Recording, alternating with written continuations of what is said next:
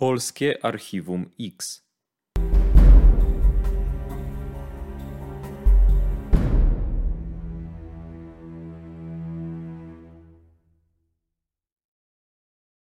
Ta historia zaczyna się wieczorem 22 stycznia 1991 roku w małym pokoiku akademika Helios w miasteczku studenckim w Lublinie. Jolanta krząta się po małym pomieszczeniu, przygotowuje się do wyjścia. 24-letnia dziewczyna studiuje na Uniwersytecie Marii Curie Skłodowskiej na ostatnim roku studiów magisterskich z oligofrenopedagogiki.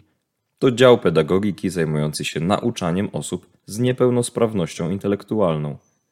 Jola wychodzi z akademika około godziny 18. Swoim dwóm współlokatorkom zostawia na białej kartce papieru wiadomość. Jestem u Doroty na LSM-ie. Wrócę około 21. Jolka. Dziewczyna dociera do swojej przyjaciółki Doroty, mieszkającej przy ulicy Leszka Czarnego w Lublinie około godziny 18.15. W miłej atmosferze wspominają m.in. zabawę sylwestrową. Przed godziną 21 Jolanta opuszcza mieszkanie przyjaciółki, tłumacząc, że musi się wcześniej położyć spać, bo następnego dnia musi być na ważnych zajęciach na uniwersytecie. Wraca pieszo, najkrótszą trasą do akademika, prowadzącą przez zaniedbany park miejski, który studenci i okoliczni mieszkańcy nazwali Kambodżą, bo między rosnącymi tam krzakami czasem ciężko się było przedostać. Spacerem tę odległość można pokonać w 15-20 minut, jednak Jolanta nie dociera do akademika. Nad ranem współlokatorki odkryły, że 24-latka nie wróciła na noc do pokoju.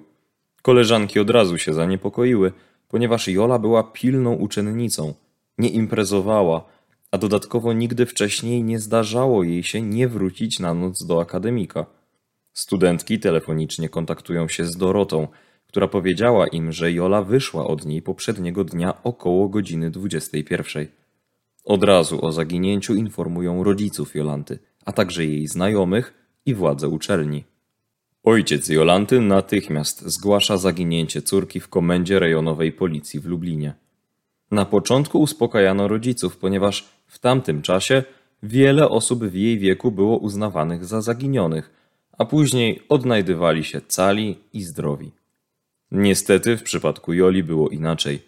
24 stycznia 1991 roku funkcjonariusze zaczęli przeszukiwać piwnice, garaże, zarośla i kanały ciepłownicze, jednak nie natrafiono na żadne ślady. Niepokojące wydały się jednak rozmowy z mieszkańcami okolicy i parku Kambodża. Jak zeznali, w ostatnim czasie w miejscu tym pełno było ekshibicjonistów, osób uzależnionych i mężczyzn współświadka. Zrozpaczeni rodzice Jolanty o pomoc zwrócili się do jasnowidzów. Treść jednej z wizji brzmiała tajemniczo. Dziewczyna nie żyje, a jej zwłoki są ukryte w miejscu, gdzie widzę dużo hełmów. Mijały kolejne dni, a Jolanta nadal nie kontaktowała się z rodziną ani ze swoimi znajomymi. Na ślad dziewczyny natrafiono dopiero 28 stycznia podczas rutynowego sprawdzania okolic miasteczka uniwersyteckiego przez funkcjonariuszy. Nagle policjanci dostrzegli pod warstwą śniegu plamy krwi i nieduże odpryski kości. Niedaleko leżała też zakrwawiona męska chustka do nosa, która wyglądała tak, jakby ktoś wytarł o nią ręce. Ciało 24-letniej studentki znaleziono w krzakach 300 metrów dalej, na terenie odgrodzonym siatką, w której znajdowała się dość duża dziura. Ciało Jolanty było przykryte kawałkami papy. Leżało w zagłębieniu ziemi na terenie byłej strzelnicy wojskowej przy ówczesnej alei Polskiego Komitetu Wyzwolenia Narodowego. Obecnie to ulica Głęboka. Zwłoki były zwrócone twarzą do dołu i pozbawione dolnej części garderoby, rajstop, bielizny i butów. Na ciele został podkoszulek, brązowy sweter, czarna spódnica i jesionka – natomiast biustonusz był podciągnięty do góry. Na jej ciele widoczne były siniaki, ale uwagę śledczych od razu przykuł jeden makabryczny szczegół. Kobiecie ktoś odgryzł górną i dolną wargę. Wyniki sekcji zwłok wskazywały na ogromne cierpienie, jakiego doświadczyła 24-latka. Z obrażeń wynikało, że studentka została zaatakowana od tyłu. Napastnik zadał jej trzy potężne uderzenia w głowę, najprawdopodobniej tępym narzędziem. Zwłaszcza jedno z nich zostało zadane z tak dużą siłą, że doprowadziło do promienistego pęknięcia całej czaszki. Przyczyną śmierci młodej kobiety było właśnie rozległe uszkodzenie mózgu.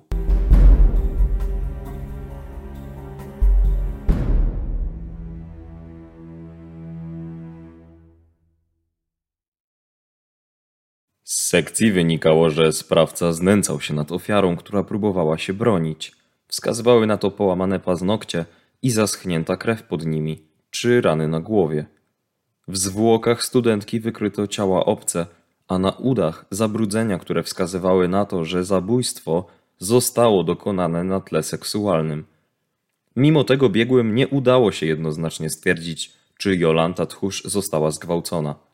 Sekcja nie wykluczyła, że uszkodzenia narządów rodnych mogły powstać po śmierci ofiary. Biegli zauważyli też plamy opadowe, które wskazywały na to, że zwłoki przez kilka godzin leżały na plecach, a dopiero później zostały odwrócone. Pod pachami odkryto krwawe wybroczyny, co mogło świadczyć o tym, że ciało ofiary zostało przeciągnięte przez sprawcę z jednego miejsca w drugie. Niedaleko ciała Jolanty znaleziono torbę pełną gwoździ, rękawic i pilników do metalu. Ostatecznie nie znaleziono dowodu na to, by narzędzia te porzucił zabójca studentki. Śledczy byli pewni, że zbrodni dokonano w innym miejscu, a ciało było kilkukrotnie przenoszone. Dlatego dokładnie przeszukiwano miejsce znalezienia zwłok, wypatrując przedmiotów mogących doprowadzić do sprawcy potwornej zbrodni. Sprowadzono nawet specjalne dmuchawy, które gorącym powietrzem miały roztapiać zalegający śnieg. W ten sposób odnaleziono porzucony dowód osobisty jednego z mieszkańców Lublina, ale i ten trop wiódł donikąd, ponieważ mężczyzna, właściciel dowodu osobistego, kilkanaście dni wcześniej zgłosił na policji jego utratę. Policja i prokuratura rozpoczęły poszukiwania mordercy Jolanty. Początkowo skupiono się na mężczyznach, którzy już wcześniej dopuścili się molestowania seksualnego lub napastowania kobiet w Lublinie i okolicach. Sprawdzano również alibi pracownika uniwersytetu, z którym Jola była związana emocjonalnie, ustalając, że tę wersję osobową należy jednoznacznie odrzucić. W toku zakrojonych na szeroką skalę czynności już w pierwszych dniach śledztwa ustalono, że nieznany mężczyzna tego samego dnia zaatakował także inne studentki. Na komendę w Lublinie szybko zgłosiły się kobiety, które zeznawały o przypadkach ataków w okolicy Uniwersytetu Marii Curie Skłodowskiej w Lublinie. Najbardziej kluczowe były zeznania studentek, które w wieczór zaginięcia Jolanty również spacerowały po parku przy akademiku. Jedną z dziewczyn mężczyzna zaatakował, łapiąc za nogę i pociągając tak mocno, że się przewróciła. Tak tamto zdarzenie wspominała studentka Magda, cytowana przez portal newsbook.pl. Byłyśmy na uczelni do późnych godzin. Miałyśmy zaliczenia z kartografii. Gdy byłyśmy na schodach przy parku, zobaczyłyśmy młodego mężczyznę. Wyprzedził nas na około 2-3 metry, po czym nagle odwrócił się i skierował się w naszą stronę. Schody były wąskie, więc żebyśmy mogli się minąć, cofnęłam się i szłam chwilę za koleżanką. Gdy Beata przechodziła obok tego faceta, nie zaczepił jej. Ale gdy ja znalazłam się tuż przy nim, schylił się i złapał mnie za nogę, a następnie popchnął tak, że się przewróciłam. Potem pochylił się nade mną i złapał za szalik. Zaczęłam się szarpać, złapałam za drugi koniec szalika i wyrwałam mu go z ręki. Pamiętam, że Beata krzyczała i prosiła, żeby zostawił mnie w spokoju. W pewnym momencie ten mężczyzna zamachnął się, tak jakby chciał mnie uderzyć. Ale chyba się rozmyślił. Spokojnym krokiem sobie poszedł. Trwało to kilkanaście, może kilkadziesiąt sekund. Chwilę później ten sam mężczyzna miał najpierw śledzić, a następnie zaczepić trzy studentki i słownie je napastować. Gdy jedna z nich próbowała go wyminąć, została przez niego przytrzymana, a sprawca próbował dotknąć jej uda. Kobiety zaczęły krzyczeć. Wówczas napastnik próbował uderzyć jedną z nich w głowę, a gdy to się nie udało, uciekł. Do tego ostatniego zdarzenia doszło zaledwie pół godziny po tym, jak Jolanta wyszła od przyjaciółki, oraz w okolicy miejsca, gdzie napotkała na swej drodze zabójcę. Informacja o brutalnym morderstwie Jolanty sprawiła, że w Lublinie zapanowała psychoza strachu. Studentki i mieszkańcy Lublina bali się wieczorem przechodzić przez park, który prowadził na uczelnię i do domu studenckiego. Kobiety bały się też wychodzić nocą z domów. Dłuższa lub niepowiadomiona nieobecność skutkowała zgłoszeniami o zaginięciach. Kurier lubelski informował, że niepokój społeczny utrzymywał się długo i doprowadzał do także zabawnych sytuacji. Jeden z mieszkańców z Alei Kraśnickiej zaalarmował policję o zaginięciu żony, która nie wróciła na noc do domu. Setki policjantów sprawdzało rodzinę i znajomych zaginionej, a także szpitale i miejsca, w których mogło dojść do ataku. Jak się okazało, kobieta spotkała znajomego z dawnych lat i razem z nim straciła poczucie czasu w jednym z hoteli. Trzy dni po odkryciu zwłok Jolanty rozpoczęły się pierwsze zatrzymania, a w gazetach i w telewizji udostępniono portrety pamięciowe mężczyzn, które sporządzono po zeznaniach studentek. Z portretu wynikało, że podejrzany był krępej budowy ciała i miał 170 cm wzrostu. Miał krótkie, ciemne i odstające w różnych kierunkach włosy, a jego wiek określano na nie więcej niż 30 lat. Miał go też charakteryzować kaczy chód. Zachowanie napastnika zostało ocenione na agresywne i prymitywne. Biegli uznali, że sprawca był niewykształcony, chory lub znajdował się pod wpływem narkotyków lub alkoholu. Stwierdzono, że mógł mieć uszkodzony płat czołowy, co oznaczałoby, że nie jest w stanie kierować i kontrolować swojego zachowania. 22 stycznia 1991 roku o godzinie 18 muzyk w swoich zeznaniach podał, że nieznajomy zaczepił go w ciemnej alejce i w krótkiej rozmowie przyznał, że szuka pracy i jest na rencie, ale boi się, że mu ją zabiorą. Nieznajomy usilnie chciał nawiązać dłuższą rozmowę, jednak pracownikowi uczelni mężczyzna ten wydawał się dziwny i niepokojący. Zwrócił uwagę na chaotyczne wysławianie się, specyficzny sposób mówienia i lekko kołyszący się chód. Rozstali się przy wyjściu z parku. Żegnając się z nieznajomym, podał mu rękę i zwrócił uwagę, że nieznajomy ma charakterystyczną, spoconą dłoń. Na policję zgłosił się również profesor Akademii Medycznej, który w dniu 24 stycznia 1991 roku w autobusie widział, jak nieznany mu zaniedbany mężczyzna z portretu pamięciowego zaczepia w miejskim autobusie młodą dziewczynę.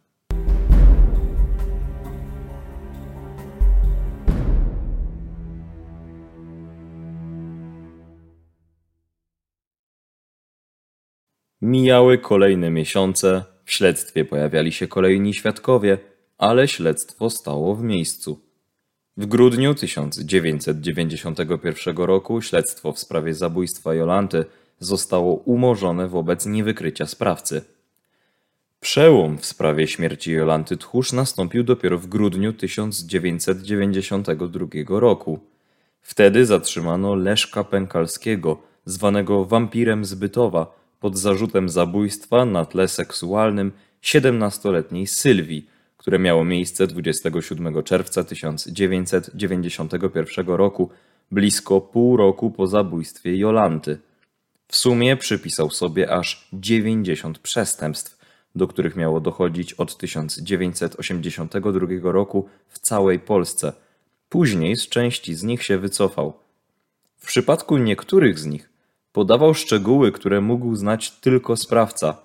W innych często się mylił lub twierdził, że dopuścił się zbrodni, które miały miejsce w tym samym czasie w odległych miastach w Polsce. Przyznał się jednak między innymi do zabójstwa młodej kobiety niedaleko akademika, ale nie potrafił określić w jakim mieście do tego doszło. Pamiętał, że w styczniu 1991 roku podrywał dziewczyny w okolicach domów studenckich. Pękalskiego na filmach, na których poza nim było trzech innych mężczyzn, rozpoznały kobiety, które zostały przez niego zaatakowane w wieczór zaginięcia Joli.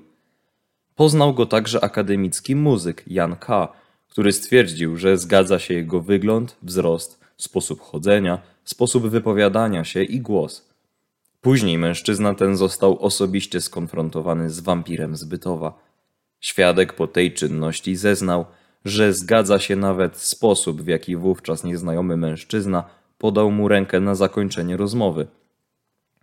Wampira z Bytowa poznał także wykładowca Uniwersytetu Medycznego, który 24 stycznia widział, jak Pękalski próbował nagabywać jedną z kobiet w autobusie miejskim. Na podstawie zeznań świadków w 1994 roku przeprowadzono wizję lokalną w Lublinie z udziałem Pękalskiego. Tak śledczym opowiadał Pękalski. Nie pamiętam, że byłem w Lublinie. Wiedziałem tylko, że zabiłem młodą dziewczynę w pobliżu domów akademickich. Dojechałem tam pociągiem. Na pewno nie kupowałem biletu, bo wówczas zapamiętałbym nazwę miasta. Wysiadłem przypadkowo na stacji. Potem poszedłem prosto przed siebie. Chodziłem po mieście i trafiłem prosto na te akademiki. Pamiętam, że przed zabójstwem zaczepiłem mężczyznę w wieku około 40 lat. Był szczupły, wyższy ode mnie, w okularach, czysto i elegancko ubrany, z teczką typu aktówka. Idąc z nim, rozmawiałem. Była to zima. Zabójstwa dokonałem w jakimś parku. Były tam zarośla, chwasty. Ona szła do góry ścieżką, ale to nie były schody. Stałem w krzakach z zamiarem zaatakowania kogoś. Byłem bardzo podniecony. Zobaczyłem, że dziewczyna idzie pod górę. Żelazną rurkę miałem już wcześniej przygotowaną. Znalazłem ją w okolicy jakieś 30 minut wcześniej. Gdy była na mojej wysokości, od razu zaatakowałem. Uderzyłem ją w głowę i plecy kilka razy. Wzywała pomocy, ale zaraz po moich ciosach padła. Potem przeciągnąłem ją w inne miejsce. Pękalski w swoich wyjaśnieniach podał śledczym, że był w Lublinie co najmniej dwa dni, zaś po dokonaniu morderstwa noc spędził w parku, prawdopodobnie w parku ludowym. Rano zaś wyjechał do Gdyni. Później jednak wycofał się z tych zeznań. Ostatecznie śledczy przedstawili wampirowi z Bytowa 17 zarzutów morderstw, do których dochodziło od 1984 do 1992 roku, a jeden z nich dotyczył także zabójstwa 24-letniej Jolanty. O winie miały świadczyć włosy znalezione na ubraniach studentki, których cechy były zbieżne z włosami pobranymi z głowy Pękalskiego. Ostatecznie jednak sąd oddalił 16 z 17 zarzutów zabójstwa, a Pękalski został skazany na 25 lat więzienia za morderstwo Sylwii R. W przypadku zabójstwa 24-letniej Jolanty uznano, że poza zeznaniami świadków nie ma jednoznacznych dowodów, które obciążyłyby go w tej sprawie. Za zabójstwo Jolanty T. nikt więc nie został skazany. Jolanta została pochowana w rodzinnej miejscowości na cmentarzu w Dębowej Kłodzie koło Parczewa. Koleżanki Joli opisywały ją jako delikatną, wrażliwą na krzywdę innych, zawsze uśmiechniętą, pełną wiary i nadziei. Jola była też osobą bardzo wierzącą w Boga i przekonana, że ten cały czas nad nią czuwał. Nie bała się trudności i problemów i zawsze próbowała je przezwyciężyć. Otaczała się wieloma osobami. Jak dodają koleżanki, to właśnie to wielkie serce Joli sprawiało, że tak dobrze dogadywała się z ludźmi niepełnosprawnymi. Jej marzeniem było pracować z tak zwanymi muminkami, czyli ludźmi z niepełnosprawnością intelektualną.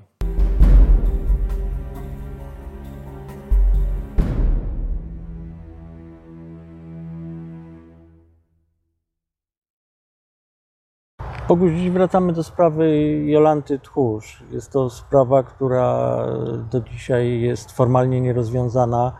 E, My co prawda nie mieliśmy dostępu do materiału, nie przeglądaliśmy materiałów e, tej sprawy, natomiast pokrótce dokonaliśmy analizy wszystkich tak, bo ta sprawa możliwych jest dobrze informacji. opisana, tak.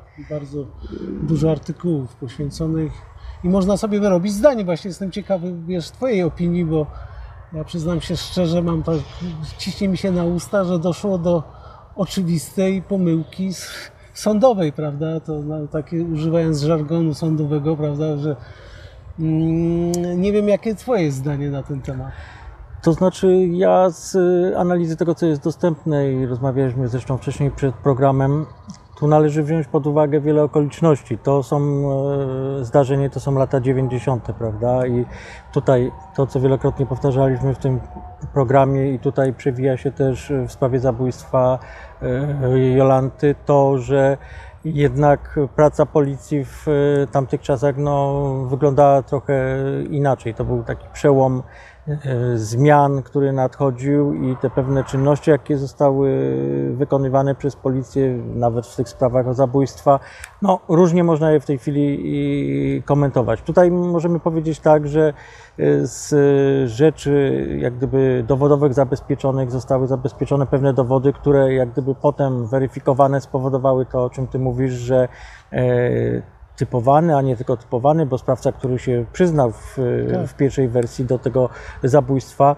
e, został jednak wykluczony. A czy aby na pewno te dowody mogły go wykluczyć, no to jest kwestia tutaj dyskusyjna. Znaczy powiem Ci szczerze, przygotowując się do materiałów, właśnie napotkałem na jego relacje, na relacje świadków, którzy w sposób jednoznaczny go rozpoznali. Mówimy o świadkach, którzy to nie jest kwestia, że go widzieli z daleka, tylko e, no, jeden z mężczyzn, prawda, muzyk, który prowadził na, na uniwersytetach właśnie w Lublinie zajęcia taneczne, no, rozmawiał z nim, bo ten y, osobnik do niego podszedł, podał y, rysopis. On w ogóle się zgłosił na policję, bo rozpoznał po, po, po jednym rysopisie, prawda, który, a ten rysopis powstał na podstawie opis y, kilku dziewczyn, które tej samej nocy czy tam wieczoru zostały zaatakowane w tym samym miejscu, gdzie jak się później okazało zginęła y, Jolanta Tchórz, prawda? To, to, to wiesz, patrząc zresztą na ten jeden z portretów pamięciowych, to, to, to trzeba przyznać, że świetna ręka rysownika, bo to jest przecież Leszek Pękalski. Ja co do tego nie mam żadnych wątpliwości i nie mam wątpliwości, że dlatego powiedziałem na wstępie, że doszło do oczywistej pomyłki sądowej, że Leszek Pękalski pozbawił życia Jolanty Tchórz. Tu wiesz, charakterystycznym e, myślę, że sędzie, sędziego to przerosło w ogóle jak policjantów, być może policjanci tutaj część winy trzeba przypisać policji, że chcieli sobie, wiesz, tak zwaną wykrywalność poprawić, prawda, pamiętasz, bo tkwiliśmy w tym wszystkim. E, Na pewno trudna sprawa do weryfikacji, ale trzeba pamiętać, że ten człowiek się przyznawał do około 67 zabójstw, a czasami nawet w pewnym momencie do 90 zabójstw. Spisał pamiętnik w areszcie śle- śledczym, a prokurator i tak odsiał, prawda, do aktu oskarżenia 17 tylko spraw. Na czytałem też wywiad z tym prokuratorem, który uważał, że tam są materiały dowodowe i tutaj ja nie mam żadnych wątpliwości, że Leszek Pękalski pozbawił życia Jolanty Tchórz. Tutaj sędzia powinien właśnie wtedy jeszcze nie było mowy o teorii śladów na duszy ludzkiej, ale właśnie, te czynniki, byliśmy prawda, na szkoleniu u przedstawiciela FBI, przy przestępstwach seksualnych są ważne fantazje seksualne sprawcy, prawda? I ten motyw to jest taka, to jest taka wizytówka danego sprawcy. I zwróćmy uwagę, że u Jelanty Tchórz, co się rzuciło policjantom zaraz po ujawnieniu jej zwłok, no rzuciło się w oczy to, że ona, ktoś jej odgryzł wargi, prawda, górną i dolną wargę. Znalazłem też sprawę, gdzie Leszek Pękalski się przyznał, że ugryzł kobietę w pierś. To gryzienie to jest właśnie ta wizytówka, te, te fantazje seksualne. Nie po prostu uważam, że no, oczywiście sędzia miał trudną e, rolę, bo na pewno ten Leszek Pękalski raz się przyznawał, raz później odwoływał, Odwoływał. prawda? Okazało się, że część policjanci ale on był też takim typem, jeżeli ktoś na niego huknął, to w ogóle się zamykał w sobie. Jeżeli ktoś grzecznie z nim nie rozmawiał, to w ogóle nie było rozmowy, prawda? To, to też, też trzeba brać pod uwagę.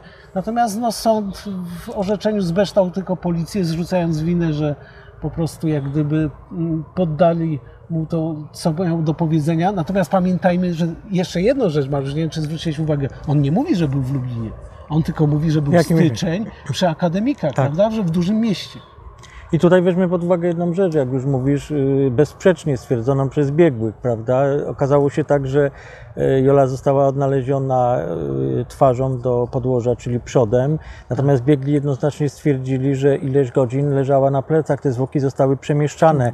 Też to jest y, dziwne dla nawet sprawcy, który by zaatakował y, w ten sposób, atakuje ofiarę, pozbawiają życia i co? Siedzi przy niej, czeka, wraca. To by pasowało tutaj do tych okoliczności, o których tutaj mówimy, jeśli chodzi właśnie o Pękalskiego, prawda, że przyjechał jak gdyby na te gościnne występy i z tym ciałem spędził jakiś czas, Tak, bo prawda? on podał, że, prawda, że został w tym mieście dwa dni po tym zabójstwie. No, tutaj według Yy, i, i, i że spał w parku. Prawdopodobnie wrócił, to jest też charakterystycznym mm, taką cechą tych sprawców seryjnych, że wracają, żeby jeszcze te, te fantazje ożyły w nich, prawda, żeby jeszcze raz poczuć tą satysfakcję. Być może doszło znowu do jakichś aktów masturbacji. Pewnie tak, bo po to wrócił. I to wiesz, to też koreluje znowu z tym profesorem z Akademii Medycznej, który Tak, to- widzi takiego osobnika, prawda, zresztą rozpoznaje, że to Leszek Pękalski, który zaczepia młodą dziewczynę w autobusie, jest zaniedbany, prawda, brudny, no wszystko się zgadza i dokładnie widzi go na drugi dzień. I w tej sytuacji to nie jest tak, że policja podała, byłeś w Lublinie, prawda, i tam zabiłeś. Nie, on to powiedział, że był jakim, przy jakimś akademiku, był styczeń, 91 rok. I tak samo podał, że zaatakował kobietę i przeciągnął ją przez dziurę Przez w płocie. Znalazł rurkę, prawda, a więc narzędzie zbrodni pasujące do wyników sekcji zwłok, prawda, do tych urazów, które spowodowały śmierć, prawda, yy, i urazy czaszą, yy, głową czaszki, prawda. Masz tu jakieś wątpliwości? No tutaj mówimy jeszcze o tym y, dowodzie, który został zabezpieczony i tutaj można na ten temat y, różne wersje, bo został znaleziony włos, to mamy lata 90. Y, Postęp jednak w tej chwili jest tak potężny, który powoduje, że, że DNA, badanie DNA powoduje jednoznaczną No, ale to jest identyfikację. Tak, a wtedy nie. I można też zakładać też różne wersje. Jest wiadomo nie od dzisiaj, że na miejscach zdarzeń działy się różne rzeczy i czasami są zabezpieczane rzeczy, które tutaj do końca nie można stwierdzić jednoznacznie. Y, Kto naniósł, y, czy Ale to wiesz co, jest... ja bym i tutaj, to... przy tym włosie, to wiesz, to włos w każdej chwili, to, to mo- może być bardzo przypadkowe. Ja tutaj bym w ogóle do tego odklejeń. śladu nie, nie przywiązywał wagi, bo, bo przecież każdego dnia na Znaczy na pewno nie jest to świat, odzieży- y, ślad, tak. który jednoznacznie Znaczy- może y, y, pokierować tutaj Tak, całym nie tym może śledztwem. rozstrzygać o, całym, o całej winie, prawda, ten jeden ślad, bo to prawdopodobnie jest przypadkowy. Zresztą prowadziliśmy, Mariusz, takie sprawy, gdzie było 300 śladów zabezpieczonych na miejscu zdarzenia, 200 śladów na drugim. Sprawca nam wydał buty, był bez rękawiczek, narzędzia zbrodni były okazjonalne, znajdowane w, w mieszkaniu ofiar i żaden z, tych śladów nie pochodził od sprawcy. Gdyby nie inne działania, to, to, to on by uniknął odpowiedzialności karnej.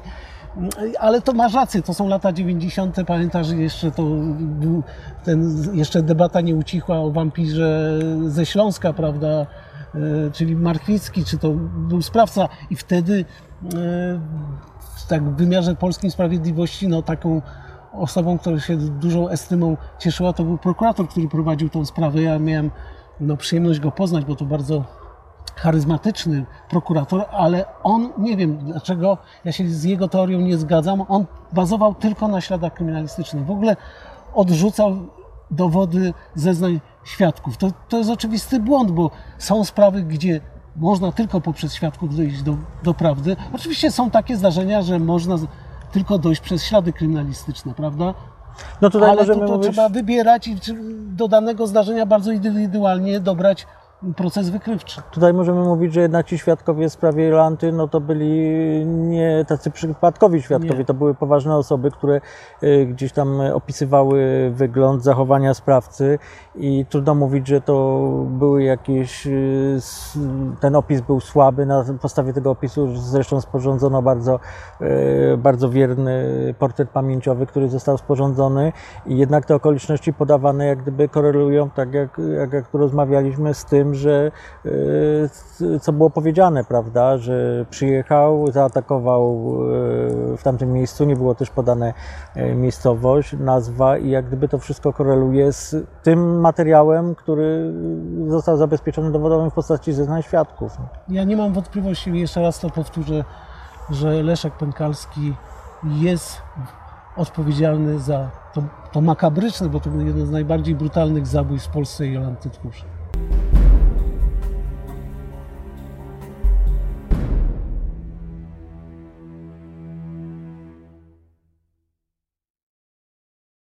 Tutaj oprócz y, dziewcząt, które zostały wcześniej zaatakowane w parku przed tym tragicznym zdarzeniem, gdzie została zaatakowana Jola, y, mamy tak samo zeznania tych, tych, tych, tych świadków, którzy y, mieli bezpośredni kontakt tutaj, czyli rozmawiali, nawet doszło do jakiejś tam wymiany uścisków i ten opis jest tutaj bardzo szczegółowy. Tak, zwłaszcza, że wiesz, ten człowiek, jak pamiętasz, zgłasza się dopiero chyba 15 lutego 1991 roku na, do komendy ym, rejonowej policji w Lublinie, natomiast z jego prowadził zapiski swoje, jest pewny, bo zapisał tą rozmowę z tym mężczyzną, że ona miała miejsce 22 stycznia, więc w dniu, gdy ktoś zaatakował Jolantę Tchórz. Tu nie mamy wątpliwości, ten człowiek podaje, że w ogóle nie chciał uniknąć rozmowy, że wydawał mu się ten człowiek dziwny, zaniedbany, podaje, że miał charakterystyczną mowę,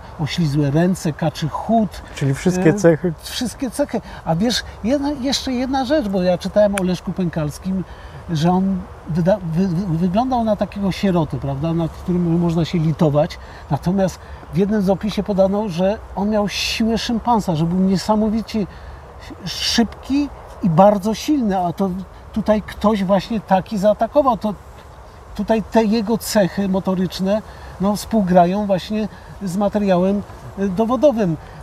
Tak, bo samo przemieszczenie Tak. tych zwłok na taką odległość powoduje to, że jednak musimy mieć do czynienia z kimś sprawnym i Tak, no i po- dysponujących dużą siłą, bo tam przecież duże obrażenia, prawda? Policjanci najpierw natrafili na, na krew i na, na kawałki kości, prawda? Które powstały w wyniku tego uderzenia.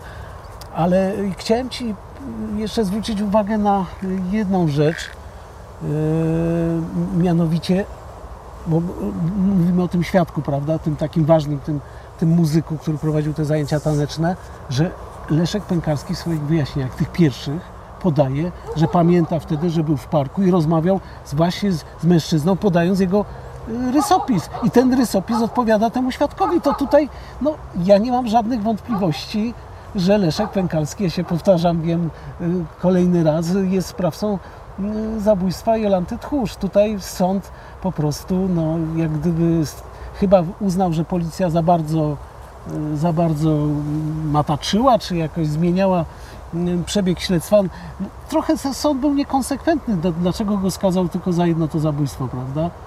Tam też nie było śladów. Tak, to wszystko przy No. tego typu sprawach właśnie powoduje to i sam ten mechanizm, prawda, że, yy, który jest częsty, bo sprawca yy, czasami jest tak, o czym yy, tu mówiliśmy wcześniej. On się przyznaje, opisuje, coś mówi, ale w pewnym momencie widzi, że jest szansa, że nagle, nie wiem, w sądzie występuje i mówi nie, on Tak, nic takiego nie zrobił, zmusiła, tak, jest zmuszany, Tak, był jest do tego i odwoływanie tego typu powoduje zeznań, że no, te zeznania są uznawane za, za niebyłe, natomiast trudno tutaj, y, trudno tutaj, y, biorąc pod uwagę te tu trzeba- wszystkie zabezpieczone No właśnie właśnie. y, protokoły, gdzie przesłuchania tych osób, że to sobie ktoś wymyślił, a potem odwołuje, prawda? No taki i nawet opis, o którym mówiłeś wcześniej, czyli świadka, sprawcy i sprawcy potem do Nie. świadka, no to jest po prostu raczej niemożliwe do uzyskania w tym momencie. Tam, wiesz, na pewno wizja była robiona w okresie letnim, prawda? My też dzisiaj przedstawiamy ten odcinek, to wszystko się dzieje jednak y, w czasie mroźnej zimy, to jest, y, jest śnieg, prawda? I, i, i te, te, że nie daje, że nie, nie mógł wskazać miejsca. Dla mnie to akurat wskazuje tak samo na niego, ponieważ on prawdopodobnie w Lublinie był tylko raz przez te dwa dni i to po jakichś tam kilku latach, po tych jego podróżach po całym kraju, no, no, To za, tak samo no jest to jest kwestia, logiczne, nawet gdyby kwestia sytuacji, stresu No. i tak dalej. To zresztą nie, nie jest to pierwsza tylko jeszcze sprawa. kolejny element, który dla mnie jest potwierdzeniem, że to Leszek Pękalski, że on nie na siłę, prawda, że tu policja mu nic nie, nie, jakby nie zasugerowała, że był w Lublinie, prawda, tylko a poza tym no, nie mógł rozpoznać. Po, po kilku latach ten park się mógł zmienić. To są prace, prawda? I, i jest zima, a lato to są dwie różne pory roku i, i, i to samo miejsce inaczej wygląda. I tutaj przyznam się szczerze, no nie bardzo rozumiałem logiki sądu, który właśnie odrzucał e, tą wersję wskazującą, że za, za zabójstwo Jolanty Tchórz odpowiedzialny jest właśnie Leszek Pękalski. Jest dla mnie to troszeczkę takie no mało przekonujące, a już z tym włosem to już kompletnie nie ma racji bytu.